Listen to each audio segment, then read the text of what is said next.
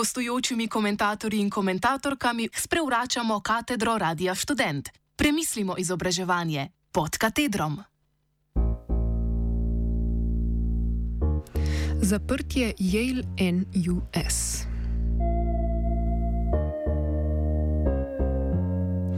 V petek 27. avgusta je Nacionalna Singapurska univerza, krajše NUS, unilateralno naznanila, da se zapira Yale NUS. Opomba uredništva: Yale NUS je bil skupen projekt ameriške univerze Yale in NUS, šlo je za kampus in manjšo univerzo v celoti posvečeno družboslovju in humanistiki.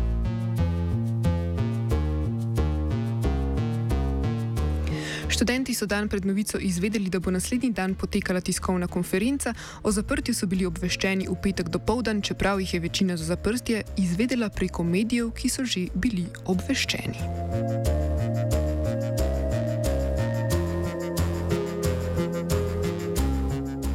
Yale NUS se bo združil s še enim delom nacionalne Singapurske univerze z University Scholars Program, krajše USP. Gre le za zadnjo od več združitev v že več let trajajočem procesu.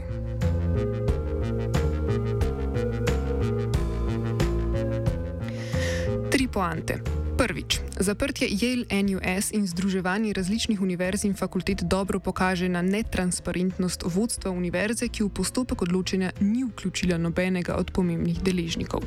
Predsednik Yale NUS Tan Tai Yong je javno povedal, da mu je bilo zaprtje kampusa predstavljeno kot fe accompli, že zaključeno dejanje.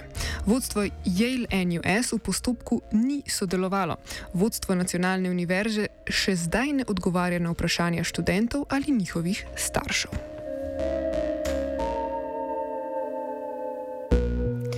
Vodstvo nacionalne univerze se prav tako ni udeležilo konference o zaprtju in je razlago novice prepustilo vodstvu Yale NUS, ki kot rečeno pri zaprtju ni sodelovalo.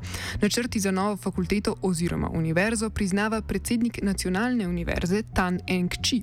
V resnici še ne obstajajo, odbori, ki jih bodo zarisali, še ne obstajajo. Nacionalna univerza predvideva, da bo prvo generacijo študentov na novo združeno fakulteto upisala naslednje leto, tudi v resnici se ne ve, kako bo ta fakulteta ali univerza sploh izgledala in kako bo delovala.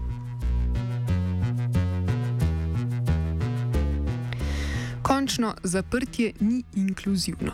Študenti so še morali plačati, oziroma so že morali plačati šolnine za prvi semester, katerih vračilo ni mogoče, do istega petka 27. augusta.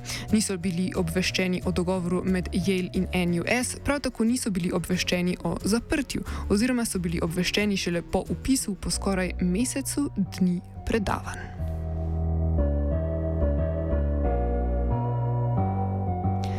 Komentar je pripravil anonimni član študentske inicijative za ohranitev Yale NUS, prevajal je Matija Pušnik.